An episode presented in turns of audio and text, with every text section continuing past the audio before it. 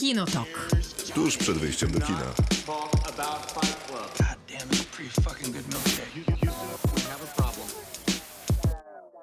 Krzysztof Majewski. Miłosława Bożek. Maciej Stasierski. To jest Kinotok, program w radiu i podcast jutro. A w dodatku jest to drugi, jeden z dwóch programów, który został nam przed końcem roku. 2020 naprawdę nie jest łatwym rokiem, ale dobrnęliśmy do y, końca.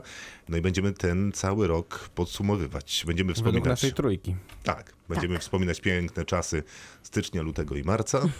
Później będziemy nie bardzo wiadomo co wspominać, siedzenie w domu i szukanie rozpaczliwe filmów i seriali. A potem była taka jeszcze przerwa gdzieś koło czerwca, gdzieś do, do początku września, gdzie coś się jeszcze pojawiało w kinach.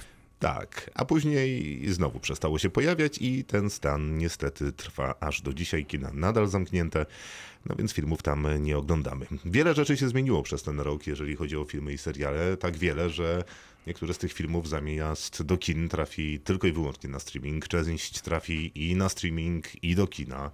Nie wiadomo, co się stanie z serialami. Pewnie większość dużych platform stwierdziła, że trzeba naprodukować więcej. No dużo się nas zmieniało. HBO Max wejdzie do Polski, Disney Plus wejdzie do Polski i to wszystko na 2021 rok. Nie wiem, czy to dobrze i czy należy się cieszyć, bo to pewnie kosztem kin. No ale udawajmy, że ten 2021 będzie lepszym rokiem niż 2020. Wiele się zmieniło na przykład pod tym względem, że ja zacząłem przez was oglądać seriale. Nie dziękuj. Nie będę.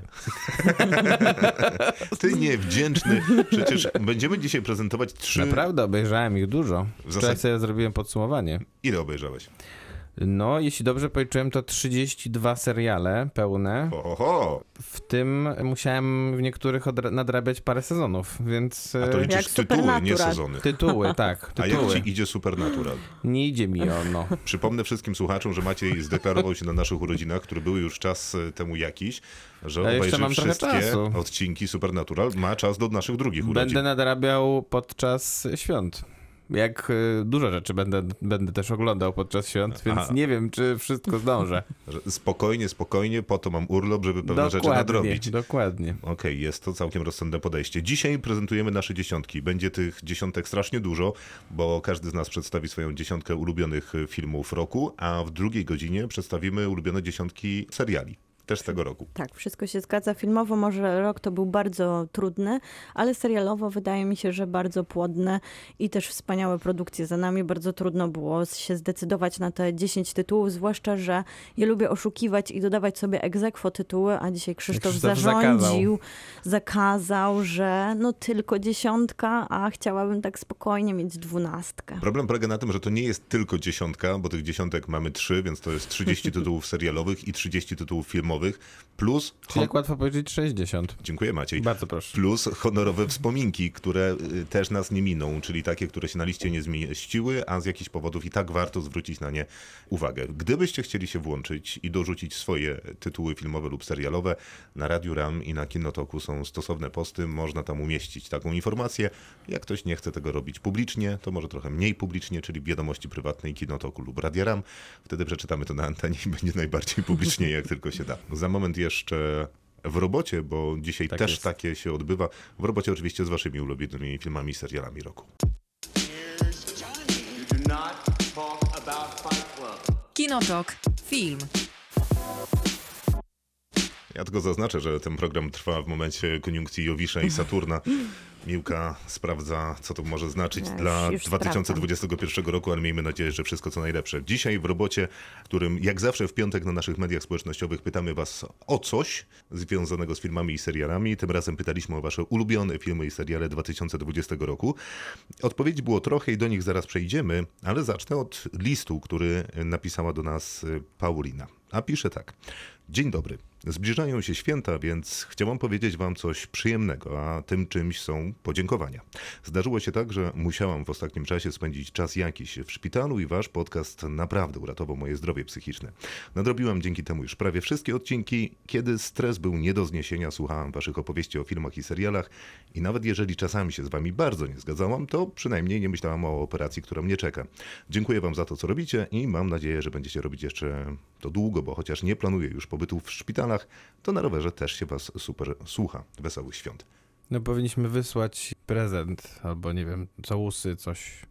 Tak, Dobre wysyłamy- słowa i w ogóle wszystko, co Bardzo dobre. to wzruszające. Tak, to prawda. Wysyłamy wszystko, co dobre z tej anteny i z tego podcastu, który będzie dostępny jutro, a nad czymś innym to się zastanowimy. Bardzo dziękujemy i bardzo jesteśmy zadowoleni, Bardzo Paulino, i miło. szczęśliwi, Bardzo to miłe było. że też już nie masz żadnych kłopotów ze zdrowiem i tak trzymaj.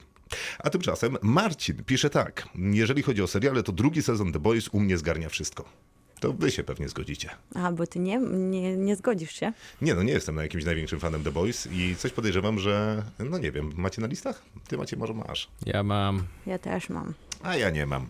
A Marcin zdecydowanie ma je na pierwszym miejscu. Marek pisze, że myślę, że nowych filmów to jednak Tenet. Oglądałem dwa razy i wciąż mnie boli głowa, ale to przyjemny ból. Seriali również ryjący czaszkę, trzeci sezon Dark, ale w kategoriach porażek. Przekombinowali okrutnie. Z pozytywnych oczywiście Gambit. No i z tym Darkiem to trudno się Też nie się zgodzić. zgadzam. Jakby świetne pierwsze dwa sezony, ten trzeci jakby zbiera wszystko do kupy, i, no ale chyba niewiele więcej robi. Broni się tym finałem, bo trochę faktycznie jest tam przeprawa przez mękę na niektórych odcinkach, ale ten finał jest taki kompletny. Chociaż no nie znajdzie się przynajmniej na mojej liście. I na mojej również nie. I na mojej też nie. Ale Gambit y, za to się znajdzie i nic dziwnego, że Marek o Gambicie też wspomina. Rafał z kolei wspomina, że serial to na pewno sukcesja. Jeśli chodzi o filmy, to The Lighthouse, Joker i Midsommar, a w zasadzie Midsommar. Wszystkie z 2019, ale dopiero w tym roku miałem okazję Tylko obejrzeć. tak mówisz to, mam wrażenie, naprawdę. A to nie kusi cię, jak widzisz ten tytuł? Ale zupełnie szanuję. bardzo dziękuję.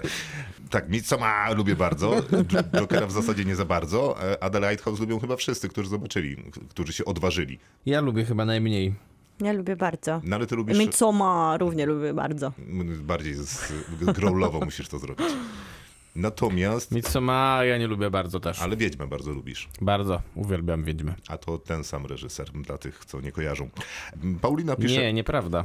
Wiedźma to jest ten sam reżyser co Co Lighthouse, Lighthouse. a Midsommar to jest To- ten sam reżyser co... Yy, I teraz wypadło mi oczywiście z głowy Hered- ten film z Tony, z y, Hereditary, tak, Tak. o dziedzictwo.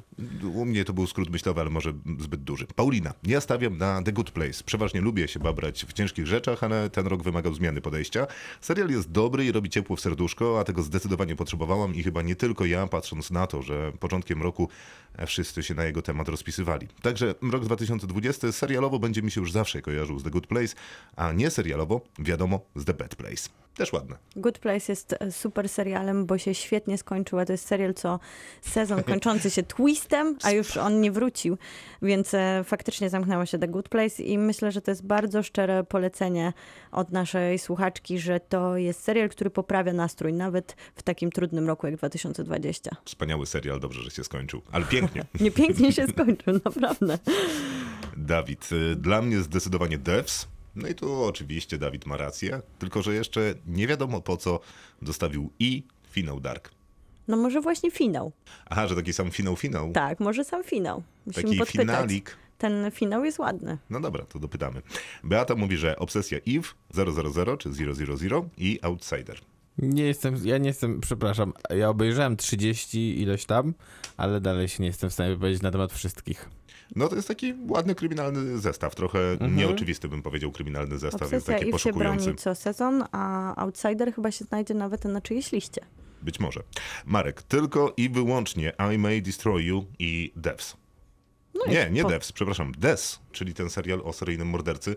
Nie Z Devs, ten Tenatem o... w roli głównej, Tak jest, tak jest. Davidem. Ale też prawda jest taka, że Marek korzystał z naszej grafiki i zdaje się, że wybierał seriale tylko z niej, a mi chodziło tylko o pewną wizualizację tego, że jest dużo seriali w tym roku. I proszę wybierać, co się chce w ogóle. Ale to całkiem niezłe typy. I tyle ich mamy w tym razem. Za to mamy swoich 60 i zaraz się za nie zabieramy.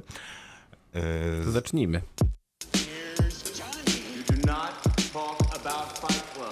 Kinotok. Film. To zawsze jest duża przyjemność, kiedy można podsumować rok najlepiej. To jak to można programy. zrobić? O tak, przynajmniej dla nas, więc mamy nadzieję, że również dla was. Mam nadzieję, że wybory nasze są kontrowersyjne przynajmniej czasami i wywołają w was głęboką niezgodę, albo też e, owacje na stojąco przy kolejnych punktach. Maciej, zaczynaj. Dziesiąte miejsce twoje filmowe to? Gniazdo, The Nest, film e, z Carrie Coon i z Judem Law. A Robimy takie po angielsku też? Yy, a, przepraszam, e, ja będę po hiszpańsku wszystkie tytuły też. Dziękujemy, dziękujemy. Taki dramat rodzinny połączony z thrillerem, w którym Carrie Coon, aktorka, która jest znana bardziej chyba z telewizji, bo występowała i w Fargo i ostatnio chyba też w innych serialach tutaj pokazała, że rolę filmową powinna dostawać, role filmowe takiej dużej jakości powinna dostawać częściej. Doskonałe, takie mięsiste, trudne kino. Miłka? To ja to jest w mam ogóle świetny 10. wybór, jeszcze od razu zaznaczmy. To jest film, którego nie recenzowaliśmy w pełni na tej antenie, Nie. robiliśmy mu krótką recenzję, zresztą którą ty robiłeś, y, więc odhaczyliśmy w razie czego. Ja nie widziałam, więc e, podpisuję się, że to jest moja lista do nadrobienia na święta, jak twoja Maciek serialowa. Ja na dziesiątym miejscu mam niedzie- niewidzialnego człowieka, Lee Wandela, który bardzo mi się podoba z jednej strony, bo przerobił tę, no dla Uniwersala trochę trudną sytuację po Mumii, gdzie zamknął się ten projekt po krytyce zewsząd i zainwestował w taki mm, opowiadane historie bardziej indywidualnie, samodzielnie i zainwestował w człowieka, który w sumie wcześniej słynął współpracy z Jamesem Wan i Piłę. Pisał i tworzył razem z Jamesem Wanem i stworzył też taki film, który recenzowaliśmy na naszej antenie i w podcaście Upgrade, który też bardzo mi się podobał, bo wydaje mi się, że Lee Wandel ma takie podejście bardzo innowatorskie do tematów, które już są sprawdzone, które już były. No Niewidzialny Człowiek, wiemy, to powieść, ale też ekranizowana wielokrotnie. W tym razem z wspaniałą Elizabeth Moss w roli głównej, opowiadający historię oczywiście niewidzialnego człowieka, jak w klasycznej powieści, ale też pokazującej na traumę przemocy, na współczesne technologiczne zmiany i gryząc ten temat w bardzo taki błyskotliwy, ciekawy i zaskakujący sposób. Więc e, świetne gatunkowe kino, takie mniejsze i dobrze sprawdzające się na małym ekranie w tych trudnych czasach, kiedy przenosimy się na platformy. Niewidzialny Człowiek i Upgrade, dwa świetne filmy, oba dostępne w tym momencie mm, w różnych miejscach, więc można spokojnie i legalnie oglądać. U mnie na miejscu dziesiątym film, który był sporym zaskoczeniem, kiedy go obejrzeliśmy i w końcu zrecenzowaliśmy w tym podcaście. Nazywa się Aniara, to szwedzkie science fiction, zupełnie kosmiczne, bo wsiadamy na statek, który wiezie nas na Marsa. Jako, że to szwedzki film, to nie powiem, że wszystko się psuje, dlatego że jest szwedzki. Szwedzki jest dlatego, że jak już się zepsuje, Ale troszkę to powiedziałeś. to byłoby smutna wypowiedź. Nie, no. nie, szwedzki jest dlatego, że jak już się zepsuje, to Szwedzi najbardziej są zainteresowani nie tym, że statek nie działa i ktoś go heroicznie naprawia, wychodząc poza pokład statku i tam walczy z kosmitami, tylko zaczynają zastanawiać się nad tym, jak ewoluuje albo degraduje się, albo w ogóle się zmienia, jaka jest dynami- dynamika tego mikrospołeczeństwa, które na tym statku jest. A że ewoluuje i zmienia się w sposób ciekawy i taki pełen y, dziwacznego kalejdoskopu, to naprawdę jest to science fiction, które sprawdza się znakomicie, no bo każde science fiction jest ciekawym eksperymentem, żeby pobawić się właśnie współczesnym społeczeństwem i dokładnie to Aniara zresztą bardzo sprawnie i bardzo ładnie w obrazie y, robi. Rzecz nadal do obejrzenia w różnych miejscach streamingowych, więc dla tych, którzy mają ochotę, dla mnie jedna z, jeden z dziesięciu tytułów, który nadrobić trzeba koniecznie. I taką mamy pierwszą y, dziesiątkę, pierwszą dziesiątkę, pierwsze Pierwszą trzy dziesiątki, trójkę. pierwszą Na trójkę końcu. dziesiątek. Miłka, teraz może ty zaczniesz? Mam na dziewiątym Kłamstewko Lulu Wang, czyli film taki bardzo ładny, ale też z piękną historią, bo sam film jest cudowny, ale warto poznać kontekst, bo Lulu Wang nakręciła film o faktycznie swojej historii. Kręciła go w Chinach, jest to taka współpraca pomiędzy Stanami Zjednoczonymi i Chinami i faktycznie też jest to historia, która opowiada o różnicach pomiędzy Ameryką a Chinami, o różnicach kulturowych, skupiając się głównie na tym, w jaki sposób informuje się swoich bliskich o ich chorobach. I w Chinach nie robi tego lekarz bezpośrednio, a decyduje o tym rodzina. I Lulu Wang, rodzina zdecydowała, że nie powie jej babci o tym, że ma bardzo ciężką, śmiertelną chorobę. I ta historia w sposób przepiękny zmieniła się w to, że babcia dalej jest na tym świecie, żyje, a Lulu Wang postanowiła opowiedzieć historię jej, jak to było dla niej ciężkie, bo ona już bardziej jest Amerykanką i trochę patrzy przez pryzmat swojej kultury, a z drugiej strony, jakie to było ciekawe, wrócić do Chin, spotkać się z babcią. Jest to film niesamowicie czuły, wspaniale zagrany przez Aquafinę, która jest przez i przez Zao Sutchen, która jest właśnie babcią tutaj. Ich relacja jest przeurocza, błyskotliwa, zabawna i wzruszająca. Oglądamy tak naprawdę całkiem pełną historię opowieści o świecie i tych em, różnicach, które między nimi istnieją kulturowymi, ale tak naprawdę po prostu wzruszamy się ciepłą, bliską serca historią. Bardzo przyjemny film, zwłaszcza w 2020 roku. Możemy go dalej oglądać na platformach. To jest kolejne to kino, które realizuje się na małym ekranie. Całkiem nieźle. Bardzo przyjemny film, to prawda. Co, jakoś mi się nie zmieścił na listę, ale rzecz była miła. Ja Maciej. zupełnie nie mam przyjemnego filmu. Film się nazywa Nigdy, rzadko, czasami zawsze. Film, który niedawno zresztą wszedł na platformy streamingowe. Tak, E. Zwycięzca Srebrnego Niedźwiedzia na festiwalu w Berlinie w tym roku. Amerykańskie kino niezależne, reżyserki, która się nazywa Eliza Hitman. I film młodej dziewczynie, która e, zachodzi w przypadkową, niechcianą ciążę w miasteczku w Pensylwanii, nie może, nie może dokonać aborcji, więc musi wyjechać ze swoją kuzynką do Nowego Jorku. I oglądamy jej, no nie wiem, czy można nazwać perypetie, raczej takie bardzo ciężkie przeżycia związane z e, dochodzeniem do takiej decyzji, a później z procesem, który odbywa się wieloetapowo niezwykle dojmujące kino i sama ta, można powiedzieć, tytułowa scena, bo scena tytułowa odnosi się do takiego kwestionariusza, który ona musi wypełnić, czy rozmowy, elementu rozmowy z, z panią psycholog, która, która, po której ma podjąć ostateczną decyzję, czy dokona aborcji, jest niezwykle wstrząsająca. Naprawdę św- świetne kino. Sydney Flanagan, która gra główną rolę, jest znakomita i myślę, że gdyby ten film miał dobrą dystrybucję i dobrą promocję, to mogłaby być nawet nominowana do Oscara. Ale takie rzeczy w 2020 roku, jak dobra dystrybucja i dobra promocja się nie wydarzają Dokładnie. niestety. Ta, ta nominacja pewnie też będzie problematyczna. Warto też zaznaczyć, że te dziesiątki, które filmowe przygotowaliśmy na dzisiejszy program, e, obejmują nie tylko premiery kinowe polskie, co z reguły robiliśmy, e, ale biorąc pod uwagę to, co się w tym roku działo, dołączyliśmy też polskie premiery streamingowe, więc to są filmy, które albo były, albo nadal są dostępne w legalnych Ale źródłach w internecie. Trzeba dodać, że ten film miał akurat polską premierę kinową, Mhm. bo był dostępny podczas jednego z dwóch dni pokazów filmowych na festiwalu Nowe Horyzonty.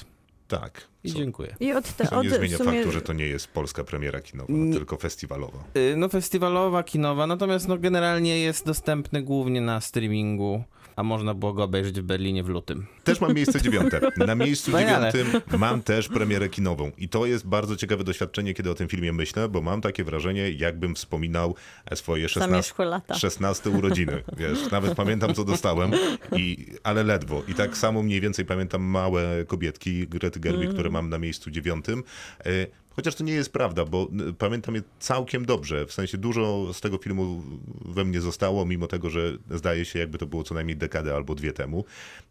Film, który bardzo skutecznie romansuje z takim kostiumową opowieścią w stylu Jane Austen, ale romansuje z nią do pewnego momentu, bo co jakiś czas robi sprytny zwrot, sprytny skręt, dostosowując się do współczesności, ale przede wszystkim do takiego bardzo ciekawego spojrzenia na świat, jaki ma Greta Gerwig jako reżyserka. Jako reżyserka, która też jest trochę taka, y, ch- chyba jest innym typem reżysera niż na, przykład jej partner Noah Baumbach, który wydaje się być takim człowiekiem z wizją, e, którą egzekwuje na planie. Ona mam wrażenie, że tworzy taką rodzinną atmosferę, która zresztą bardzo się w Małych Kobietkach na, y, y, y, jest bardzo widoczna w Małych Kobietkach na ekranie. Doskonała obsada, którą zebrała do tego filmu, na pewno jej w niczym nie, przeszkadza, bo poza Saoirse Roną i Timothym Chalamet ma też... Przepraszam, że się śmieję zawsze z tego, jak to mówisz. Tak, ma też jeszcze trzy siostry, które, no w zasadzie każda z nich jest świetną aktorką, no tam wyłączając jedną, w sensie ona jest tak dobrą aktorką, ale ta rola jest no, naprawdę bardzo, bardzo mała, więc jakby trudno coś o niej więcej powiedzieć. Też ciepły i miły film y, pod tym względem, że zbliżają się święta, on jednak opowiadał o, o świętach, a raczej nie ma w nim y, takiej goryczy, y, zawiści, sarkazmu i jakichś takich złych emocji, więc myślę, że to też całkiem dobry moment na obejrzenie go gdzieś na małym ekranie. Zdecydowanie. Tak. Kinotok. Film. No to zaczyna się, zaczynają się powtórki, bo miejsca 10 i 9 za nami, ja na miejscu 8 mam niewidzialnego człowieka. Z powodów oczywiście tych, które Miłka wspomniała, Lionel to jest jednak człowiek, który potrafi robić kino akcji, a niewidzialny człowiek poza wszystkim innym jest jednak kinem akcji i kinem rozrywkowym, ale takim bardzo uwspółcześnionym, dobrze siedzącym we współczesnym świecie. No i jednak to, że oddano y, cały projekt Bloombergowi, czyli takiemu studiu, który ma taki fajny model biznesowy, że daje materiał reżyserowi i w gruncie rzeczy mówi mu, a zrób z tym coś fajnego, nie obchodzi nas co, a jak mają później pięć klap finansowych przez y, ten model, no to raz na pięć razy im się uda i stać ich na kolejne pięć filmów. Przyznam się, że też miałem ten film, tylko po pewnych korektach w dziesiątce wypadł mi do honor Honorable Mentions. Honorowych wspominek. O, honorowych tak, wspominek, Nie tak bój się jest. języka polskiego. Nie boję. No ale naprawdę udane kino. W sensie w innym roku niż 2020 pewnie byłby daleko To poza prawda. dziesiątką. Być może mieściłby się w pierwszej trzydziestce, Hmm. ale jako, że kina rozrywkowego i akcji w tym roku było mało, to nawet upgrade bym mógł A wcisnąć. kino, Totalnie. kinowych filmów że to też było mało, a to był kinowy film jednak, bo to był ostatni film kinowy, który Przed obejrzeliśmy lockdownem. przed lockdownem pierwszym. To wszystko prawda. Maciej, co tam u ciebie? A ja z kolei wybrałem inny film, który przed lockdownem pierwszym obejrzeliśmy, czyli na ósmym miejscu Sala Samobójców 2 Hater. To Ja- ten sam weekend zresztą. Dokładnie ten sam weekend. Marzec, piękna pogoda. Wspólne po, I wspólne pokazy z Krzysztofem Tak tych było. filmów. Film Jana Komasy, który uważam za najlepszy jego film. Myślę, że nawet lepszy niż Boże Ciało nominowane do Oscara. Film, który genialnie pokazuje, w jaki sposób jest zbudowane polskie społeczeństwo, a jednocześnie wyśmiewa to w sposób niezwykle inteligentny. Świetnie obsadzony, Maciej Musiałowski to kolejne odkrycie Jana Komasy. No i profetyczny trochę też film, więc aż, aż strach się bać. Ja się podpisuję pod wszystkim, co Krzysztof powiedział o małych kobietkach, bo to moje ósme miejsce. No, muszę przyznać, że wielką fanką produkcji z 94 jestem roku, gdzie, no wiadomo, co powtarzam zawsze, gdzie miałam spore obawy, jak będzie wyglądała taka no nie uwspółcześniona wersja, ale trochę skorygowana przez Gretę Gerwig, która opowiada o tym przy każdym wywiadzie, że Louisa May Alcott i jej powieść to jest jej ulubiona książka, którą czytała od deski do deski i zawsze chciała ją przenieść na ekran, co zrobiła w taki bardzo współczesny sposób przez zaakcentowanie innych rzeczy niż na przykład w 94 czy w powieści, chociaż to jest powieść emancypacyjna i zawsze była, to tutaj ten głos e, dziewczyn, który się pojawia na różnym poziomie, bo chyba najmocniejsza jest Flo- Florence Pugh ze swoją przemową i bardzo też podoba mi się, że jest obsadzona tutaj młoda aktorka, która tylko pewnie będzie obsadzana więcej i ma taką najtrudniejszą ze wszystkich sióstr ro- rolę, bo trochę taką przewrotną, gdzie czasami jest mniej lubiana, aż dochodzi do tego momentu, kiedy zdobywa głos i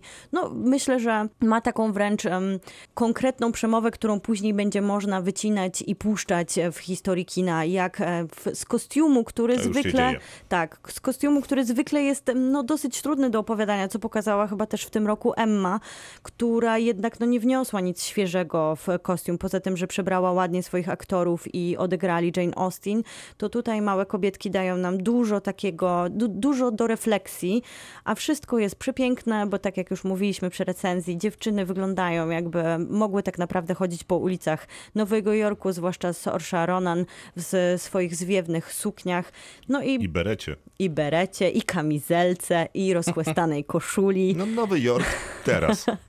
Więc tak, ten e, pruszący tam nie śnieg, pewnie, ale tak, generalnie tak. ten pruszący tam śnieg to jest świetna okazja, by na święta, na które śnieg, a raczej przykryje deszcz, odświeżyć sobie wspomnienia, jak kiedyś wyglądała zima i dowiedzieć się, jak dziewczyny z innego czasu walczyły o swój głos.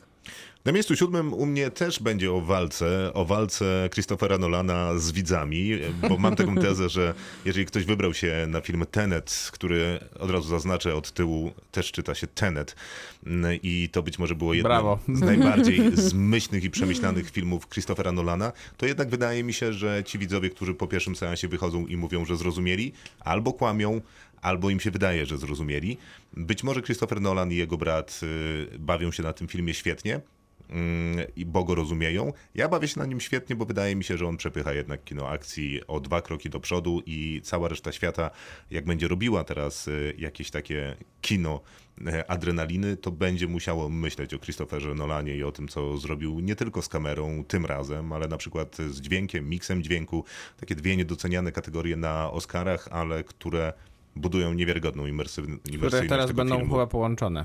Tak, to prawda. No, jakby rozumiem, trzeba oszczędzać czas ekranowy, to wszystko jest zrozumiałe, natomiast ci specjaliści potrafią budować atmosferę w filmie i tego doskonale świadomy jest Christopher Nolan. Zresztą ja mam taką, takie wrażenie, że on jest świadomy bardzo wielu rzeczy, jeżeli chodzi o film i Też swoich i, i słabości kino. prawdopodobnie. Być może, ale jest y, na pewno przekonany o tym, że jednak jeżeli mam pieniądze, to z nich skorzystam. I władowanie pasa- samolotu pasażerskiego w hangar po to, żeby te efekty jednak starzały się znacznie wolniej niż kiedy zrobimy to na komputerze, jest wyborem dobrym. No, scena pościgu na autostradzie jest znakomita. Ta zabawa z cofaniem, przewijaniem e, jest niby prostą zabawą, skomplikowaną do granic możliwości, co Christopher Nolan doskonale robi. Wydaje mi się, że tym razem przeszarżował, ale jest tu mnóstwo świetnych rozwiązań, które będą wspominane, jak chociażby kręcący się pokój w Incepcji. Teraz ja? Siódme? Mhm, proszę. Biały, biały dzień. Jest to film, który też e, trochę pamiętam jak za mgłą, ponieważ e, ja go widziałam na festiwalu, ale w tym roku trafił do Polski. Jest to film, no takiego lubianego na Nowych Horyzontach reżysera, który, islandzkiego, który wcześniej prezentował Zimowych Braci, czyli kino już bardzo arthouse'owe, a w Białym, Białym Dniu się bawi trochę konwencją thrillera, kina, filmu śled, śledczego, ale wszystko tak naprawdę jest bardzo opowiadane na taki skandynawski, bardzo o, ograniczony w języku sposób, bo mamy policjanta, który bada sprawę swojej śmierci swojej żony i tak naprawdę obserwujemy, jak on po kolei dochodzi po jakichś pozostawionych małych rzeczach i wspomnieniach do tego, że jest to coś więcej, ale tak naprawdę my bardzo mało wiemy i o jego życiu, i o życiu jego żony i chyba tym tym jest to e, w tym filmie największą mocą jego, że mm, dowiadujemy się czegoś bardzo powoli i przeżywamy trochę tą żałobę z bohaterem, bo jest to film o stracie, jest to film o bólu, który no, w tym mrocznym świecie islandzkim, gdzie raczej jest ciemno, gdzie raczej jest biało, jak w tytule, bo tam mamy dużo śniegu, to zimowy temat, jest bardzo trudno. I ten thriller w zupełnie nietradycyjny sposób buduje napięcie. Ja mam zaciśnięte dłonie i bardzo przeżywałam to, co się dzieje na ekranie. A przy okazji jest to też historia rodzinna, bo obserwujemy relację głównego bohatera z jego wnuczką i całą rodziną, która ym, przeżywa wspólnie tą żałobę po stracie jego fiksację na budowie domu, którą tak naprawdę przerabia, żeby troszkę złagodzić swój smutek. Jest to mocne, ciekawe, eksperymentalne kino, które można zobaczyć dalej na platformach. To na antypodach eksperymentalnego kina według mnie będzie mój numer 7, czyli inteligentne amerykańskie mainstreamowe kino, które się nazywa Wujek Frank. Mm. Oglądaliśmy go w sumie dość niedawno, recenzowaliśmy go w podcaście bodajże 2 czy 3 tygodnie temu. Film e, z rewelacyjną główną rolą Paula Bettany. Film, w którym e, mamy trochę mieszankę kina coming of age, e, kina LGBT, bo też o tym, o tym głównie opowiada ten film, czyli o coming outie głównego bohatera przed jego konserwatywną rodziną bardzo, bardzo naprawdę wzruszający, pouczający i w sumie szczery w swoich, w tych od- uczuciach, które pokazuje film, z końcówką, która myślę, że roztopi każde serce, więc, więc bardzo polecam. Film dostępny na Amazon. Prime. Kinotok. Film. Miejsce szóste u Miłosławy to To Tenet Christophera Nolana No podpisuje się. żartuję, czy chyba, dobra, Nie, okej. podpisuje się pod wszystkim, Wykreślaj tam coś, wpisuj na czwarte miejsce. Podpisuję się pod wszystkim, co Krzysztofie powiedziałeś, a dla mnie to też Czy my się była... jakoś porozumieliśmy, że należy powiedzieć, jeżeli ktoś miał film wcześniej, że, Że się podpisuje się O, pod wszystkim, co tak- wcześniej powiedziałeś albo powiedziałaś? No można też powtarzać po sobie. Można, ale... można, oczywiście. Będę się jeszcze podpisywał później ja. Tak, ja, ja też, więc spokojnie. Więc Christopher Nolan i jego, no chyba największa premiera tego roku, którą udało mi się zobaczyć na największym ekranie IMAXowym, czyli takie, no jedna z niewielu wielkich przygód w kinie. I ja szanuję ten film za to, że chociaż scenariusza dla mnie nie ma i pięć lat zajęło Christophowi, Christopherowi Nolanowi podobno pisanie go, Którego nie, nie wiem, ma. Tak, to nie wiem, gdzie on zniknął, bo na pewno nie widać go w dialogach, ale wydaje mi się, że trochę jest to zasługa Johna Davida Washingtona w roli głównej, który jako były, były futbolista i który tak naprawdę widać, że ma pełną świadomość swojego ciała, co wykorzystuje aktorsko i my ciągle oglądamy wręcz to tą jego walkę z czasem jako taniec, to nie do końca wydaje mi się, że jest w stanie unieść tego dialogowej, dialogowej opcji i wytłumaczenia nam świata Teneta. To tak naprawdę ten super prosty zabieg, który wydaje mi się, że mógłby być wykorzystywany w etiudach studenckich na filmówce, czyli cofanie czasu i przewijanie filmu jako element science fiction, wspaniale wykorzystał Christopher Nolan na ekranie i jest to przygoda oglądanie tego kina. Wspaniale Nawet- przebija, tylko nie bardzo wiadomo po co. Tak, i nie, wi- nie do końca wiadomo po co, że dlatego można by było nawet wyłączyć ten dźwięk i oglądać bardziej i przyswajać sobie ten obraz. Nie no, dźwięku nie można wyłączyć w Nie. w tenecie. sensie dźwięk dialogów. A. E, Wtedy myślę, że no, wydaje mi się, że to w ogóle pod e, względem aktorskim jest troszeczkę porażka, bo Elizabeth Debicki, którą bardzo lubię, ma też bardzo źle napisaną rolę, a Kenneth Branagh jest trochę kuriozum, jak z komiksu e, tutaj jest vilanem, który się pojawia. To poza tymi mankamentami, które naprawdę mi przeszkadzały i irytowały mnie, zostało mi bardzo dużo scen z tego filmu. Wizualna uczta we mnie rezonuje i trochę się cieszę, że na święta powtórzę sobie to doświadczenie, bo Tenet już e, na platformach i trochę chciałabym go zobaczyć jeszcze raz, bo czasami z filmami Nolana, zwłaszcza z Incepcją tak było, nie z Incepcją, tylko z Interstellar, one działają trochę lepiej za drugim razem. No, z Interstellar na pewno tak było, Na chociaż pewno. ja Z potrzebowałem Incepcją chyba akurat nie. nawet trzeciego razu. No bo to mm, bardzo udany film Od razu. Nolana od Tak, razu. dokładnie. U mnie na miejscu szóstym proces siódemki z Chicago, Aaron Sorkin, który bardzo przyjemnie mnie zaskoczył, bo myślałem, że trochę przegada ten film. W zasadzie to zrobił, ale w niczym mi to nie przeszkadzało. Bardzo ciekawi e, aktorzy, którzy świetnie radzą sobie w realizacji tej właśnie siódemki przed e, skandalicznym procesem, który prowadzony jest w Chicago w czasie protestów. E, Oni są jakby...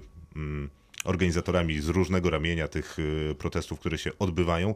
E, I organizatorami to nie zawsze jest dobrze powiedziane, czasami po prostu na nich są, a, ludzie za, za nimi idą i oni czasami nie rozumieją, dlaczego tak się dzieje. Bardzo dobrze zagrane, bardzo dobrze napisane, świetnie się bawiłem.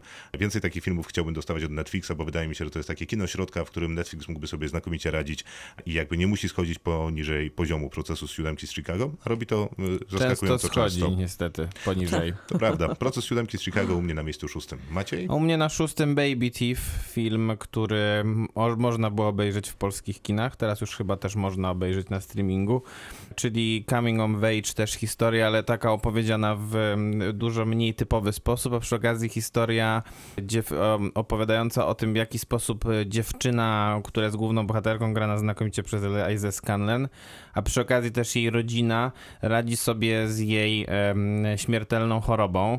Przy, przy okazji tego filmu warto zaznaczyć, że nie jest to powtórka z Gwiazd Naszych Wina, tylko to jest właśnie antyteza do tego filmu. Film opowiadany, opowiedziany w sposób e, bardzo ciekawy, z, z użyciem bardzo ciekawego, ciekawych zdjęć, kolorów, a przy okazji ze szczerymi emocjami, których niestety w wielu filmach dotykających właśnie e, sytuacji związanej z radzeniem sobie z chorobą nie można do, do, otrzymać, tylko jest tam bardzo dużo fałszu i wymuszania, wymuszania płaczu. Tutaj tego nie ma, tutaj to jest naturalne.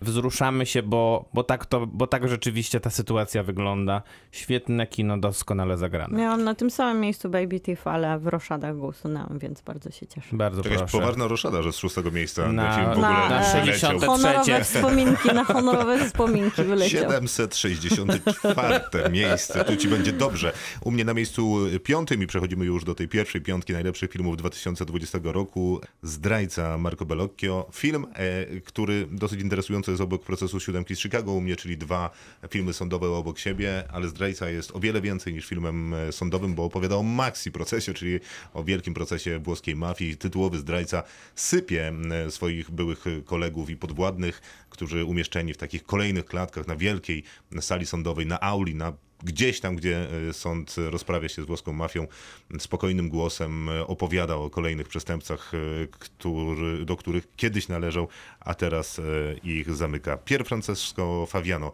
w tej roli. O matko, co za wyjątkowo sprawny aktor, który tak dobrze wygląda w garniturze i tak świetnie radzi sobie z rolą, która jest trudna i wymagająca, bo w zasadzie cały film leży na jego barkach. Zdecydowanie coś więcej, e, może nie coś więcej, ale coś zupełnie innego od tego, do czego przyzwyczaiło nas kino mafijne, znacznie spokojniejsze. Taki Tinker Tailor Soldier Spy, czyli szpieg wśród e, kina mafijnego. Piękna rzecz. To ja mam na piątym Żegnaj mój synu, zdobywcę Srebrnego Niedźwiedzia dla najlepszego aktora i aktorki tegorocznej i jest to dla mnie wspaniała, epicka opowieść, wręcz literacka, bo oglądając ten film czułam się jakbym czytała wielką wielką opowieść e, jednej rodziny na przestrzeni 30 lat. Jest to też taka wiwisekcja społeczno-polityczna chińskiego społeczeństwa i to nie jest łatwa wiwisekcja, bo oglądamy jedną rodzinę, która raczej trudno w życiu miała z jednej strony, bo wiemy jakie jest prawo w Chinach posiadanie jednego dziecka i to jest jedna z tych sytuacji, która bardzo krzywdzi losy bohaterów. Z drugiej strony to, jak się rozwija ta historia po utracie ich dziecka i powroty do młodości, gdzie, te, gdzie też rozwijają się przyjaźnie i miłości, budowana na przestrzeni opowieści takiej bardzo obserwacyjnej, cichej i spokojnej, ale niesamowicie emocjonalnej. Bardzo współodczuwamy z tymi bohaterami, bardzo dużo dowiadujemy się o społeczeństwie chińskim. A z drugiej strony bardzo literacko i płynnie oglądamy przepięknie malowaną na ekranie bardzo rodzinną sagę. Jest to dosłownie takie, takie filmy, przynajmniej raz w roku chciałabym mieć na swojej liście, żeby czuć, że kino przenika się z taką opowieścią, którą można spokojnie snuć na ekranie, tak, że dotyka nas, jakbyśmy spokojnie przeczytali to. Maciej, A u tam? mnie na piątym miejscu Lovers Rock z antologii Steve'a McQueena Mały Topór. Drugi element tej antologii, którą uważam, które to są jednak osobne filmy, wydaje mi się. Film, który, najkrótszy film z tej antologii też, y, trwający bodajże niecałe 70 minut. Jest to e, film, który nie ma do końca e, fabuły, natomiast można byłoby go określić w taki sposób, że jest to taka e, spokojniejsza w rytmach reggae i bez e, fekaliów i śmierci odpowiedź na klimaks Gaspara Noe, bo po prostu ogląda się jedną wielką, wspaniałą, niezwykle energetyczną, genialnie właśnie muzyczną imprezę londyńskim, w londyńskim domu, w który zostaje zamieniony w jeden wielki klub reggae. Naprawdę, no nie sposób nie, mo, nie sposób nie tupać nogą słuchając, oglądając ten film i naprawdę najlepiej by było, jakby był on prezentowany na jakimś festiwalu muzycznym Pewnie by tak było. w, w ramach, w normalnym ramach roku. imprezy tego typu, więc... Przyznaj się, Maciej, że tęskniłeś po prostu za wyjściem na imprezę. W Oczywiście, 2020 roku nie, Oczywiście, że tak. 10 miesięcy bez imprezy i takie efekty. A teraz mu, będzie, będzie zagramy muzykę z tego, z tego filmu. A zaraz będą miejsca 1-4. Everybody was kung fu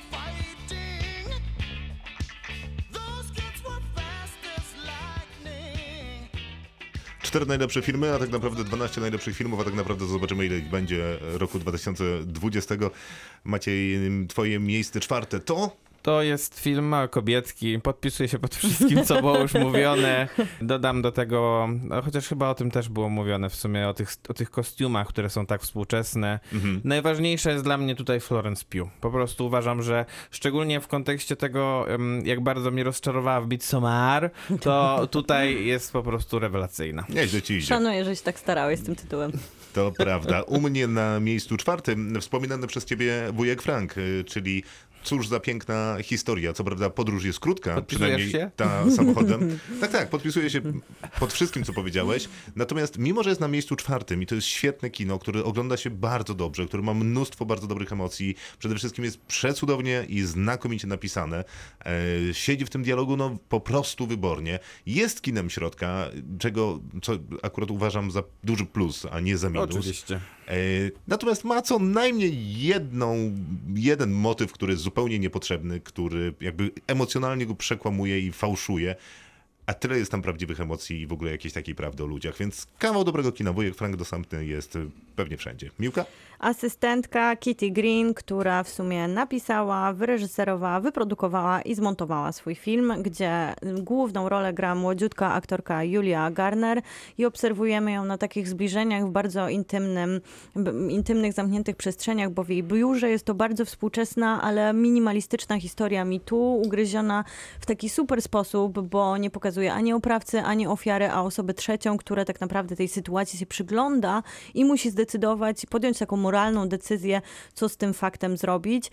Jest tu dużo takich bardzo ciekawych zabiegów filmowych, jak na przykład to, że nie widzimy oprawcy, w tym wypadku szefa, nigdy, tylko słyszymy go z biura albo w rozmowach przez telefon. Tak naprawdę ciągle skupiamy się na tej bohaterce, która jest obserwowana w tych dosyć klaustrofobicznych przestrzeniach, ale też tych klaustrofobicznych wyborach, bo ona musi zdecydować o swoim życiu przez pryzmat decyzji, pode- którą podejmują za nią inni. Bardzo fajne, małe kino i bardzo współczesne i mówiące o bardzo ważnym temacie. Doskonale jest Julia Garner w tym filmie. Doskonała.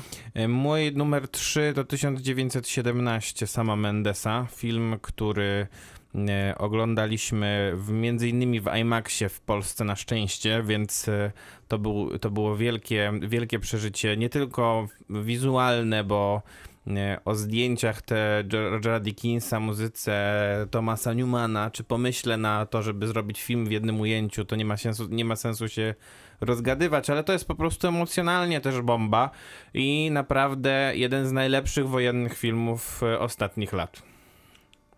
Tak, pokrótce e, Thomas Newman brzmi z 1917. U mnie na miejscu trzecim Sala Samobójców 2 Hater, e, film Jana Komasy, który przekonuje mnie równie bardzo jak Boże Ciało, ale przekonuje mnie przede wszystkim konsekwencja Jana Komasy w paru rzeczach. Tym, że niezmiennie wyszukuje najlepszych aktorów e, w Polsce i robi to konsekwentnie od swojego pierwszego filmu Sala Samobójców 1. A druga rzecz jest taka, że konsekwentnie potrafi odnaleźć się w pozycji neutralnej i okładać wszystkich, niezależnie od y, poglądów, równie mocno, bo zarówno w Bożym Ciele, jak i w Sali Samobójców wszyscy po łbie dostają naprawdę potężną, potężnie, tak, kropka. Potężnie, brawo. Potężnie, potężnie. U mnie na miejscu trzecim nieoszlifowane diamenty braci Safdie, których e, możemy, na, te, których naprawdę warto śledzić drogę filmową, bo oni się pojawiali u nas na festiwalach ze wszystkimi praktycznie swoimi filmami. Teraz możemy oglądać, no właśnie ostatni ich film Good Time na platformach, a To pierwszy... przedostatni. Nie, to jest przed, a przez ostatni, tak, no bo nieoszlifowane diamenty, ich ostatni film. A Heaven's Know What był pokazywany też w Polsce i bardzo fajnie sobie poczytać o tym, jak droga ich pierwszego filmu wiąże się bezpośrednio z nieoszlifowanymi diamentami, bo to był bardzo długo pisany scenariusz i tak naprawdę bracia bazowali na własnych doświadczeniach. I tak jak wcześniej Good Time, Nieoszlifowane Diamenty to jest takie kino, które jeżeli się nudzimy w domu i wydaje się, że jesteśmy ciągle atakowani tymi samymi filmami, to możemy sobie włączyć ten film, żeby się zmęczyć, żeby się spocić, żeby się bardzo źle poczuć fizycznie, żeby się przytłoczyć i to wszystko, co czujemy fizycznie, to jest, są dokładnie te emocje, które, do których doprowadza nas Adam Sandler w swoich wyborach, decyzjach i w takiej tragikomicznej postaci, którą odgrywa, chociaż nie jest to komedia i nie jest to też satyra, to jednak jego tragizm i komizm wynika z tego, jakim jest człowiekiem i jak jest świetnie napisane i namalowane na ekranie. Wszystko to się dzieje w takich bardzo mm, klaustrofobicznych przestrzeniach, bo przecież e, pewnie będziecie jeszcze o tym opowiadać, ale on jest, jak to się nazywa? Jubilerem. Jubilerem. I wszystko się dzieje w jego małej przestrzeni, wypakowanej złotem i niedziałającymi drzwi- drzwiami i jego naprawdę najgorszymi decyzjami. Duszne, klaustrofobiczne kino, w którym się specjalizują. Naprawdę świetna propozycja, która w sumie pojawiła się tylko na platformach. Ja, nie ja się obawiałem trochę tego filmu, bo nie znoszę Good Time, ale e, nieoszlifowane diamenty, które są u mnie na drugim miejscu, uważam za film, e, który ociera się o wybitność, bo jest to naprawdę e, kino najbardziej przytłaczające, jakie można sobie wyobrazić, a przy okazji e, bracia Safdie pokazali najpierw e, w pewnym sensie, że Robert Pattinson jest e, aktorem znakomitym, a tutaj pokazują, że Adam Sandler może nie jest aktorem znakomitym, ale na pewno jak dostanie reżysera, który jest go w stanie poprowadzić, bo wcześniej jeszcze zdążył to zrobić Paul Thomas Anderson w Punch Drunk Love, no to, no to Adam Sandler potrafi robić magię na ekranie i uważam, że jest to jedna z najwys- najwspanialszych ról ostatnich lat i e, niezwykle szkoda, że e, Akademia Filmowa o tej roli zapomniała, bo być może e, to właśnie on otrzymałby Oscara, a nie Joaquin Phoenix za Jokera. Kto, ja generalnie uważam, że to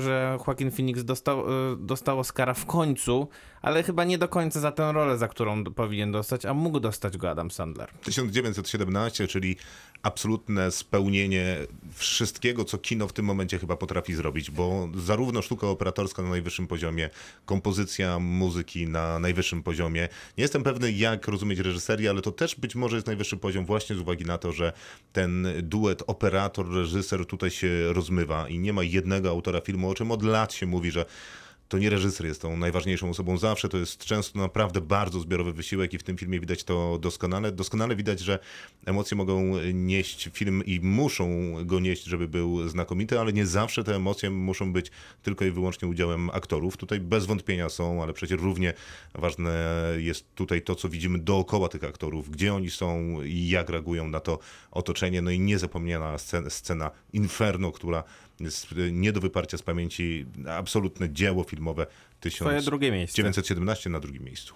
Na moim drugim miejscu Monos Alejandro Landesa ze wspaniałą muzyką Miki Levi i z cudownymi zdjęciami holenderskiego operatora Jaspera Wolfa. Oglądamy tutaj młodą partyzantkę składającą się z dzieci, które mieszkają najpierw, które tak naprawdę koczują najpierw na górzystych pustkowiach Kolumbii. Tak naprawdę połowa filmu była kręcona w Parku Narodowym Shigaza a na 4000 metrów, a druga połowa w tropikalnej dżungli i tu faktycznie oni kręcili ten film w takich warunkach, że już e, w pierwszych dniach zdjęciowych pojawiła się karetka, która musiała wziąć stamtąd reżysera, więc tak naprawdę odczuwamy ten pot i odczuwamy tą wysokość. To wszystko też dzięki zdjęciom i niesamowicie wibrującej muzyce, ale zwłaszcza castingowi dziecięcemu, który jest bardzo autentyczny i świetnie rozegrany jest tu. Nie mamy za bardzo centralnej postaci, ale rola rozpisana na chłopca, która tak naprawdę jest grana przez dziewczynę i bohaterka Rambo, pokazuje nam, że e, można ciekawie opowiadać o tym, jak, e, jak jak tak naprawdę szukamy własnej tożsamości. I to wszystko dzieje się w piekle, w piekle wojny, gdzie mamy tylko, doświadczamy przemoc, a która jest tak podciągnięta wizualnie, więc e, film jest niesamowicie epickim doświadczeniem, jeżeli chodzi o obraz, a z drugiej strony przypomina nam, jak obrzydliwa i dramatyczna jest wojna, zwłaszcza z perspektywy dzieci. Zgadzam się, obrzydliwy film. Umieściłbym go gdzieś w czołówce z filmów, które, których najbardziej nienawidzę z tego roku. U mnie na pierwszym miejscu Ukryte życie Terensa Malika. Film, który E, Straciłeś głos na temat Monosa po tym, jak Film, umieszczasz który- ten film na miejscu pierwszym. Film, który uwielbiam od momentu, kiedy go pierwszy raz obejrzałem na American Film Festival. Film, który niezwykle mnie dotknął, mimo że opowiada o historii, która jest mi e, bardzo odległa i e, uważam, że Terence Malik po prostu zrobił tutaj e, wybitną robotę pod tym względem, że potrafił przekonać mnie do czegoś, czego, do, do czego nikt prawdopodobnie by mnie nigdy nie przekonał. To znaczy nie, nie jestem w stanie zrozumieć Dlaczego dotknął mnie film o człowieku, który tak bardzo wierzy w Boga i uważa, że wiara jest najważniejsza w jego życiu? I, tyle. Wydaje mi się, że naprawdę e, coś zaskakującego się stało w tym kinie w sali numer jeden kina Nowe Horyzonty wtedy. Być może się wydarzyło. no, Na moim seansie niestety nie dostąpiłem Nie tego wydarzyło się zaszczytu. to. Ale wydarzyły się inne rzeczy, to naprawdę prze- przepiękny film z ciekawym pomysłem. I nie, nie jest to przegrany film Terensa Malika, jak wiele innych. e, Oj, nie jest. ale na pewno nie jest pierwszym miejscem, ani w ogóle nie ma miejsca w mojej dziesiątce. E, Za to na pierwszym miejscu oczywiście nie, nieoszlifowane diamenty i naprawdę wydaje mi się, że nie spotkałem się z bardziej fizycznym filmem, nie tylko w tym roku, ale w ogóle od ładnych paru lat. Wydaje mi się, że od czasów Sicario e, Daniego Villeneuva ten sam poziom duchoty, dociśnięcia e, na gardło i zresztą podobny pomysł, tam Mexico City, tutaj Nowy Jork e, jest tym, tam bardziej złym bohaterem, tu takim neutralnym obserwatorem ludzkich losów, które tego wielkiego miasta Molocha, Gdzie nie ma którym... z kolei dobrych ludzi. Tak, gdzie nie ma, Tak. dobre, gdzie nie ma dobrych ludzi. Są za to koszykarze, jubilerzy, są pożyczki i wieczna spirala. Tam nakręcającej się przemocy tutaj takiej beznadziei własnego nałogu? To u mnie 1917, podpisuję się pod wszystkim, co powiedzieliście. I jak Monos opowiadał o takiej historii przemocy i brutalności, to fanka kina 1917 wojennego. Tak e, opowiada o bezsensie wojny i to jest chyba to, co najbardziej szanuję w tym filmie, bo z jednej strony jest to doświadczenie wspaniałe i bardzo się cieszę, że udało się zobaczyć ten film na wielkim ekranie, bo wizualnie jest to przepiękna przygoda i też rozegrana w ten sposób, że wydawałoby się, że mogłoby to być nudne, śledzić plecy dwóch żołnierzy, którzy się przemieszczają do jakiegoś celu, ale ten film przez to, że jest rozegrany w takich opowieściach i sekwencjach, które opowiadają różne różne historie i różne losy tych bohaterów po drodze daje nam zupełnie inne tempo, daje nam nowy kontekst, żeby w końcu na samym finale nie powiedzieć, że to miało jakiś wielki patriotyczny wydźwięk albo dać nam jakąś przemowę pełną patosu, tylko pokazać, że to tak naprawdę ta cała podróż, którą przeżywaliśmy, wizualnie niesamowita, była zupełnie Bo bez to nie sensu. jest amerykański film, dlatego. I to Prawdopodobnie. jest to wspaniałe kino. nasze 30, no mniej niż 30, ale to były nasze trzy dziesiątki ulubionych filmów 2020 roku. One oczywiście będą opublikowane razem z jutrzejszym odcinkiem podcastu. Za moment 30 seriali od nas. Kinotok. Serial. Czas na dziesiątkę, w zasadzie trzy dziesiątki najlepszych seriali 2020 roku. No trzeba przyznać, że będzie łatwiej niż z filmami. Tych seriali jednak obejrzeliśmy w czasie pandemii znacznie więcej. Miłka, na miejscu dziesiątym co umieściłaś? To The Boys 2 Erika Kirpke, czyli produkcja bardzo komiksowa, bo to adaptacja komiksu Amazon Prime, czyli po prostu Amazon. W Polsce pokazywał ją w tym roku z wielką kontrowersją, nie tylko w Polsce, ale okazało się, że jest ogromne fanostwo, które się po pojawiło, ta kontrowersja ze względu na odcinki i sposób, jaki były puszczane, co tylko pokazało, że tak naprawdę ten serial jest śledzony i bardzo dużo ludzi jest fanami tego tematu, a jest to satyra. I pierwszy sezon był taki dużo lżejszy w opowiadaniu satyrycznie o superbohaterach, wielkiej korporacji, zależności tych superbohaterów od korporacji i takiej demaskowaniu takiego ideału, który przyświeca superbohaterowi, który jest takim supermanem, czyli po prostu świetnym, modelowym człowiekiem i pod tą peleryną kryje się po prostu wzór, to The Boys demaskują to w sposób e, jasny i pokazują, że superbohaterowie to raczej jest najgorszy sort e, ludzi, zwłaszcza ci najwyżej w szczeblach hierarchii swojego superbohaterstwa. A drugi sezon pokazał nam trochę więcej i trochę mądrzej, jeżeli chodzi o e, scenariusz, bo dużo dalej świetnego poczucia humoru, dużo krwi i dużo absurdów, ale też temat e, pokazania tego, jak korporacje wpływają na, jak manipulują tak naprawdę ludźmi i decyzjami politycznymi, o takim wzroście faszyzmu, który można po prostu podpierać i influencerami, i tym, co jest modne, i jak można manipulować społeczeństwem dzięki pewnym wzorcom i bohaterom, których się ma w zanadrzu, czyli właśnie ludziom w pelerynach. Maciej, co tam u ciebie? U mnie Des, y, trzyodcinkowy, króciutki ser, miniserial, ym, y, który można było oglądać u nas i można dalej oglądać na HBO Go. Opowiadający, jakby, robiący jakby wiwisekcję śledztwa, ym, które odbyło się w latach 70. bodajże w, w Wielkiej Brytanii, a dotyczyło faceta, który który kazał sobie mówić des i, i był to człowiek, który po prostu mordował mężczyzn, a potem ich ćwiartował i nie wiem, na, na przykład e, na przykład wrzucał ich później do, do, swojej, do, swojego, do swojej toalety i w ten sposób zostały znalezione szczątki. Wybitna według mnie rola główna Davida Tennanta i to główny jest chyba powód, dlaczego ten serial umieściłem na dziesiątym miejscu. U mnie na dziesiątym miejscu serial, który nazywa się Outsider, to HBO Go, które we współpracy, czy na podstawie Stephena Kinga, po raz setny chyba opowiada się książkę Stephena Kinga, ale wyjątkowo sprawnie, w formie takiej z jednej strony kryminalnej, z drugiej strony takiej trochę zawieszonej właśnie na tym poletku fantastycznym. Zaczyna się świetnie, bo zaczyna się od takiej tezy, którą serial nam podsuwa, że oto jest winny pewnej zbrodni. E, Ale z drugiej strony dostajemy argumenty, że no ale jak on może być winny, skoro jest niewinny i przecież to doskonale widać i o co w ogóle cała sprawa.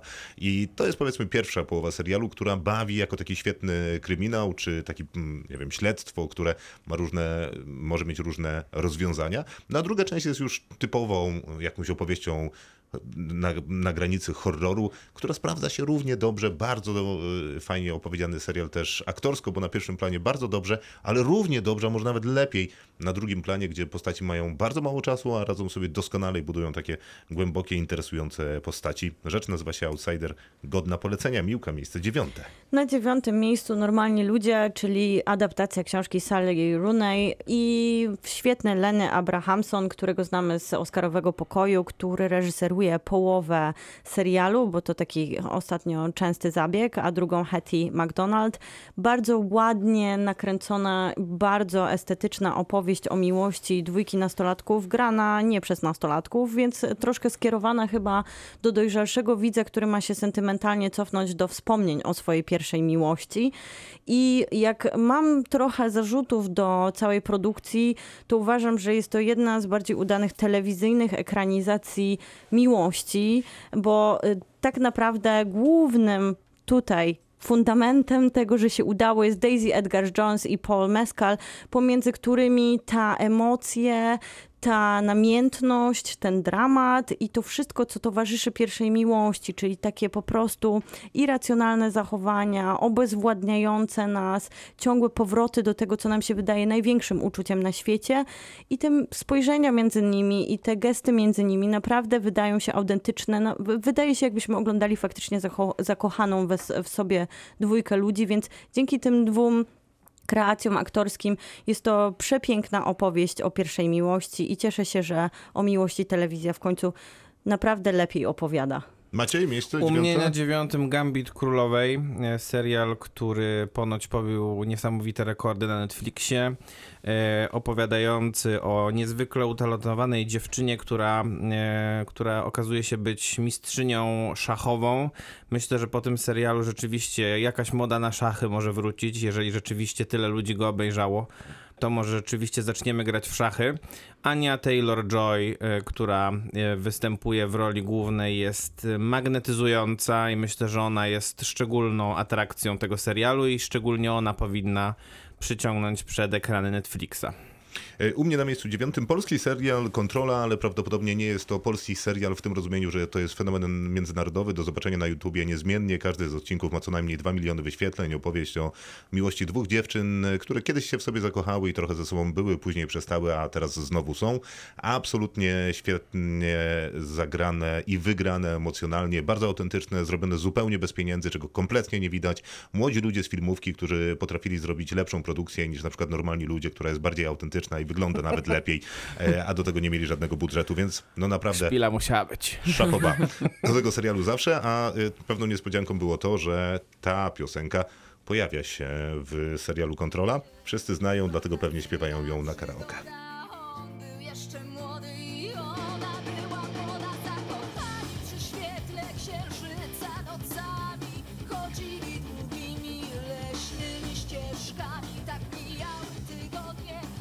Kto tańczył i śpiewał, to się nie dziwię. E, My wracamy do trzech najlepszych dziesiątek serialowych 2020 roku według e, programu Kinotok i podcastu, który będzie dostępny we wtorek jak zawsze. E, Na miejscu ósmym Maci, co masz? Ja mam wychowane przez wilki na miejscu ósmym i chyba wy będziecie mieli trochę wyżej ten serial. Ja nie kocham go taką wielką miłością, natomiast jest to rzeczywiście niezwykle, niezwykle ambitna i inteligentna próba Będziemy się e, kolegować. pokazywania, z pokazania science fiction, ale poza tym e, no uważam, że dwa pierwsze odcinki tego serialu e, które mam wrażenie bardzo dużo ludzi krytykuje i po, tym, po tych dwóch pierwszych odcinkach odpada, to one mnie z kolei zachęciły do pozostania z tym serialem i pokazały, że Ridley Scott, który je wyreżyserował, potrafi być wciąż wielkim reżyserem. Naprawdę to jest świetna robota e, i czekam na drugi sezon tego serialu. U mnie na miejscu ósmym jest The Crown, sezon czwarty i to jest serial, który prawdopodobnie będzie orbitował na moich kolejnych dziesiątkach, aż się skończy, e, ponieważ tak było z pierwszymi sezonami trzema i tak jest z czwartym i naprawdę to, że wydaje się 100 milionów e, funtów na sezon e, serialu w tej produkcji widać. I, nie Mhm. widać tego na zbytku, chociaż tego też tutaj nie brakuje, tylko na bardzo dobrych treściach, które Netflix produkuje akurat przy użyciu tego serialu. Sezon czwarty być może nie jest najlepszym, ale jest ym, na pewno najbardziej innym od tych y, trzech pierwszych, bo już opowiada o takich czasach, które no, jakaś korelacja nam się łapie z Coś, tym, co się mniej więcej tam pamiętać. dzieje. Mhm. Tak, ale jego największą zaletą jest to, że przez to, że możemy to pamiętać, to serial, mimo że fabularny przecież, a nie dokumentalny, bardzo sprawnie zajmuje takie publicystyczne stanowisko w stosunku do rodziny królewskiej i jest to naprawdę ciekawe A i poza tym- wzburzające opinię A poza publiczną. tym wygląda tak, jakby grali naprawdę w pacu Buckingham. Dokładnie tak wygląda. Ja nadal się upieram, że Więc tak że było. gra- grali. Nie, nie Mhm. zmarnowane są pieniądze. Na moim miejscu ósmym Gambit Królowej podpisuje się pod wszystkim, co Maciek powiedział, czyli z jednej strony super, że sza- szachy są sexy i że jest e, spojrzenie zupełnie inne na ten sport. Wszyscy myślę, że utonęli w zmroku i hipnotyzujących oczach Anny Taylor-Joy, która Nie ten serial tworzy. Mhm. Dokładnie, jest niesamowita, hipnotyzująca, ale tak naprawdę jej główny przeciwnik, czyli nasz polski akcent Marcin Dorociński, świetnie wygląda, też grając w sumie głównie twarzą, ale najbardziej w tym serialu, poza tymi już oczywistymi rzeczami, podoba mi się, że jest to czysta rozrywka, wspaniała przygoda, wręcz taka bajkowa przez taką dopracowaną stylistykę pokazania całej opowieści, od scenografii, przez kostiumy, przez narrację, która płynie. Ja się świetnie bawiłam prawie jak na filmach Bartona, bo są tam takie elementy bajkowe, które się pojawiają w pierwszej części. Jest to chyba w tym roku taki idealny serial dla wszystkich. Netflix trochę zrobił inny Stranger Things, ale troszkę taki blockbusterowy jest to produkt i wydaje mi się, że sprawdzi się dla każdego w każdym wydaniu. Jest to naprawdę bardzo dobra pozycja Netflixowa. To ja mam czystą rozrywkę na siódmym miejscu. Myślę, że naprawdę w bardzo dobrym wydaniu. Serial się nazywa Wielka, opowiada o e, życiu i początkach, początkach dochodzenia do władzy Katarzyny Wielkiej, mm, carycy Rosji. Grają tutaj Elle Fanning i chyba robi najlepszą robotę w swojej karierze aktorskiej. Haza! A, docho- a do, dokłada do tego swoją cegiełkę oczywiście Nicolas Hult jako, e, jako, cesa, jako car Rosji Piotr i e, no, na tym serialu chyba najczęściej się śmiałem podczas, e, podczas tych e, kilkudziesięciu godzin oglądania seriali w tym roku i to jest jego największa zaleta. Naprawdę wspaniała rozrywka. Nie bardzo się cieszę, że umieściłeś go na liście, bo zawsze jest mało komedii, ale faktycznie Wielka jest taką komedią, która zasługuje na wyróżnienie.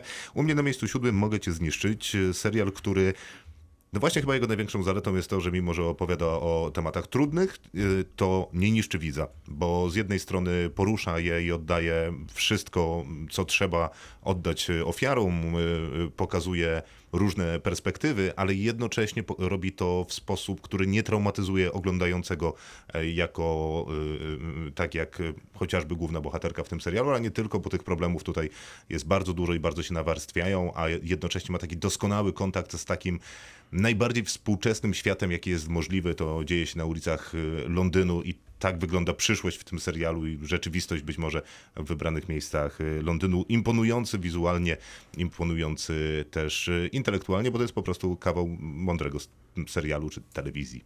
To ja pozostaję w temacie komedii i drugi sezon, co robimy w ukryciu, Mogę cię czyli... zniszczyć, nie jest komedią, wielka jest. tak, ja zostaję w temacie Maćka i tak, Taika Waititi i jego opowieść, którą najpierw opowiadał filmowo w 2014, a później przeniósł dokładnie ten sam monkument o codziennym życiu wampirów na ekran i zrobił serial. Drugi sezon widać, że jest więcej pieniędzy i trochę była taka obawia, ile można opowiadać tą samą historię, ile razy możemy zostać zaproszeni do tego domu i podglądać wieczory w towarzystwie tych dosyć kuriozalnych i arcyzabawnych wampirów. Okazuje się, że możemy i wydaje mi się, że mogłabym już do końca świata cały, co roku dostawać jeden sezon. Jest to prześmieszna, bardzo taka dziwaczna opowieść, pełna pomysłów i bardzo błyskotliwych rozwiązań na gatunek. Więc wydaje mi się, że w tym trudnym roku, zwłaszcza takie krótsze, bo to są 20-minutowe odcinki, to jest e, świetny sposób, żeby dać sobie trochę wolnego i zatopić się w tym absurdzie życia wampirów. Czwarty sezon The Crown, Blondie i Call Me.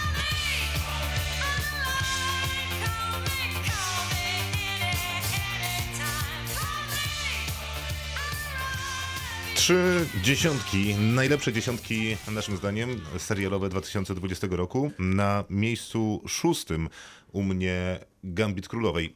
Serial, który jest wspaniały. się. Tak, podpisuję się.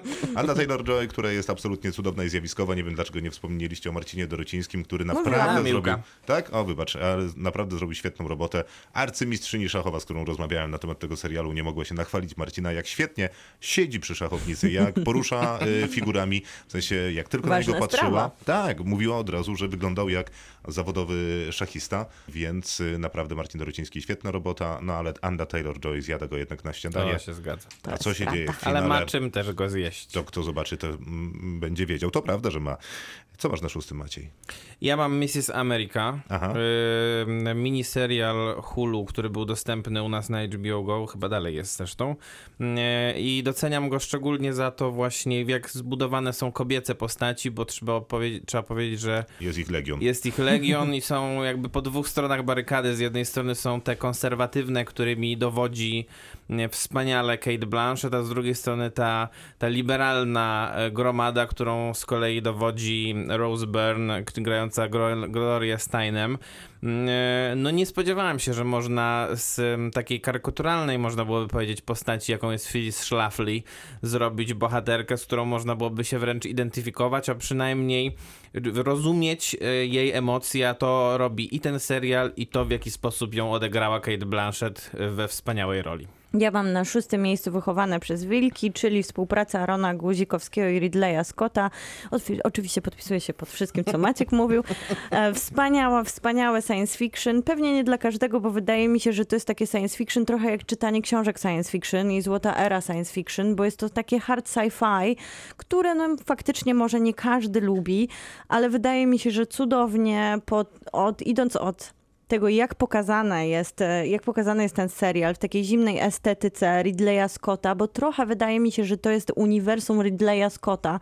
Kolejna z planet, na których dzieje się kolejna z jego historii, przeplatających się w sumie z jego dorobku filmowego, bo z jednej strony mamy to, co działo się w Obcym, z drugiej strony mamy ten jego poszukiwanie odpowiedzi pomiędzy tym, e, czym jest religia i czym ona jest dla świata. No i oczywiście te androidy, które się tu pojawiają, nawet przepisane jeden do jednego, bo mają białą krew prosto z androidów Ridleya filmowych. I tutaj Amanda Collin i Abdukar. Mhm. E, Salim w roli głównej wspaniała, wspaniała chemia między bohaterami i wspaniały jest sposób opowiadania, jak oni się równoważą w tych rolach androidów, a tak naprawdę w tych rolach ludzi trochę przepisanych na nich, bo znajdujemy bardzo dużo ludzkiego w tym, co androidzkie. No i bardzo dużo filozofii, bardzo dużo takich trafnych pytań, aż do tego totalnie szalonego finału, trochę z body horrorem, zupełnie odjeżdżającego w inną stronę, który totalnie zdobył moje serce, bo podoba mi się to szaleństwo i ta wolność, którą oglądamy, wychowane Dlatego przez właśnie wilki. czekam na drugi sezon. A ja na- te, za ten ostatni odcinek. A, to, to ciekawe, bo mnie, ostatni odcinek jakoś zupełnie nie rozkochał y, w tym serialu. Ale chciałbym bardzo wiedzieć, co masz na piątym miejscu. Na piątym mam czwarty sezon The Crown. Ym, oczywiście poza tym, że się podpisuję pod wszystkim, co Krzysztof powiedział. To zupełnie To zrozumiałe. dodam jednak, że dla mnie to jest y, w, w gró- gruncie rzeczy pojedynek aktorski, szczególnie pomiędzy Gillian Anderson grającą Margaret Thatcher, a Oliwią Colman, która jest najlepszą aktorką, jaka chodzi po Ever. ziemi. Więc, y, więc myślę, Ever. że więc myślę, że jako Elżbieta II, no szkoda, że nie będzie grała w następnym sezonie. U mnie na piątym miejscu kraina Lovecrafta, czyli y, takie trochę wszystko wrzucone do jednego worka i że niby trochę kraina Lovecrafta, a niby trochę rozliczenie z samym Lovecraftem. Na pewno są potwory, na pewno jest y, wspaniała podróż przez Amerykę, ale też przez najróżniejsze popkulturowe tropy. Jest podróż po wielu światach i wielu stanach, po wielu emocjach e, i przy okazji udaje się napisać świetne postaci, w tym prawdopodobnie najlepszą postać ojca w wszystkich y, W produkcjach. światach. Ever, ever. Od, od dosyć dawna bym powiedział. Na miejscu piątym mam Devs Alexa Garlanda, który wydaje mi się takim pięknym zwieńczeniem jego kariery, bo przecież najpierw Niebiańska plaża, później trochę gier, a później wspaniała, wspaniały debiut, czyli Ex Machina i trochę już bardziej połamana Anihilacja i wydaje mi się, że trochę Devs jest odpowiedzią na połączenie Ex Machiny i Anihilacji, bo bardzo dużo wyborów mi się tutaj podoba, od tego jak Alex Garland świetnie operuje obrazem i tworzy takie piękne światy, od tego jak zaprasza nas do takiego takiego uniwersum science fiction, które wykracza poza taką prostą opowieść, no ale nie do końca zgadzam się z wyborami castingowymi, castingowymi czy to na przykład z Sonią Mizuno, Mizuno i jej całym trójkątem emocjonalnym, który zupełnie dla mnie nie działa. Za to Nick Offerman jako taka postać z krwi i kości wyciągnięta ze współczesności, czyli CEO wielkiej korporacji, która mogłaby mieć wpływ na losy ludzkości, a na pewno na całą politykę, jest jak najbardziej w punkt. Więc Alex Garland nie zawodzi, bo jest świetny w science fiction i Devs jako miniserial, który opowiada o bardzo, bardzo ciekawych współczesnych problemach, naprawdę jest czystą przyjemnością. Miejsce czwarte. U mnie nowy papież Piąte. na miejscu czwartym. Czwarte A, teraz już u mnie. dobra. Nowy papież, czyli drugi sezon serialu Paulo Sorrentino opowiadającym o Watykanie. E, I myślę, że jedna z najbardziej takich interesujących propozycji pod tym względem, że dla mnie, e, poza tym, że to jest satyra w pewnym sensie, to jednak, to jednak e, Paolo Sorrentino chyba najbardziej sprawnie opowiada o tym, jak funkcjonuje Watykan. I nikt, mi nie, nikt mnie nie przekona, że tak nie funkcjonuje Watykan, jak jest pokazany w Nowym Papieżu, a poza tym, no chyba jedna z najlepszych ról Johna Malkowicza od lat. Na miejscu czwartym u mnie i przede wszystkim podpisuję się pod wszystkim, co powiedziałeś wcześniej Maciej, czyli serial Mrs. America. E, Przypominam, że Anioły, Orły Ameryki, czyli ta organizacja Schlafly jest nadal dostępna na wielu kanałach, można pooglądać, co mają do powiedzenia, a jednocześnie Jakże to jest świetny y, serial z tym legionem postaci świetnie zagranych, ale też zderzających opinie na takim bardzo równym gruncie. Tu nie ma wyśmiewania jednej strony lub drugiej, e, co mogłoby być łatwe, e, tylko kłótnia na całkiem solidne argumenty, które mogą poprzestawiać też e, coś w naszych umysłach. Na miejscu czwartym i podpisuję się pod wszystkim, co powiedział Maciek, nowy papież. I wydaje mi się, że jest to taki rok, który tylko utwierdza mnie w przekonaniu, że seriale w wydaniu autorskim reżyserów, którzy przenoszą się na mniejsze ekrany, to jest po prostu wspaniałość, w której oni spokojnie mogą pokazać to, jak chcą robić kino i o czym w kino w serialu No i jak chcą, jak zdaniem. chcą opowiadać. Nowy papież e, wydaje mi się spójny z tym, co było w młodym papieżu i spokojnie można to traktować jako całość, dla mnie domkniętą, doskonałą, jak cały Sorrentino, taką szaloną, zupełnie dziwaczną, a z drugiej strony taką w punkt, bo na właśnie, tak jak Maciek mówił, ta satyra wydaje się całkiem realna, a te smaczki, które po drodze mamy estetyczne i bardzo sorrentinowskie, tylko dopełnia to wielkie, w sumie filmowe wydarzenie na małym ekranie. No to właśnie czołówka nowego papieża, przynajmniej do połowy sezonu.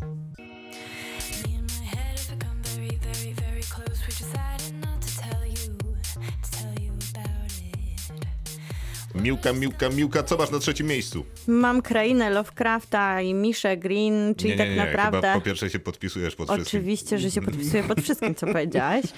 I Misha Green, która stworzyła ten serial, ale co ważne, za nią stali producenci, czyli J.J. Abrams i Jordan Peele. J.J. Abrams, który stoi zwykle za udaną rozrywką i Jordan Peele, który nawet tutaj przy tej współpracy z Mishą Green przeniósł do jednego odcinka, jeden do jednego swoje zabiegi z swoich filmów e, i ze swoich horror- horrorów. Kraina Lovecrafta to jest dla mnie takie wesołe odkrycie tego roku, wspaniała zabawa i taka świeża zabawa, bo to jest najważniejsze w serialach, których już jesteśmy trochę przebodźcowani, że bardzo łatwo wpaść pułapkę powtarzalności, a Kraina Lovecrafta dała nam zupełnie inną przygodę i zupełnie inną przejażdżkę.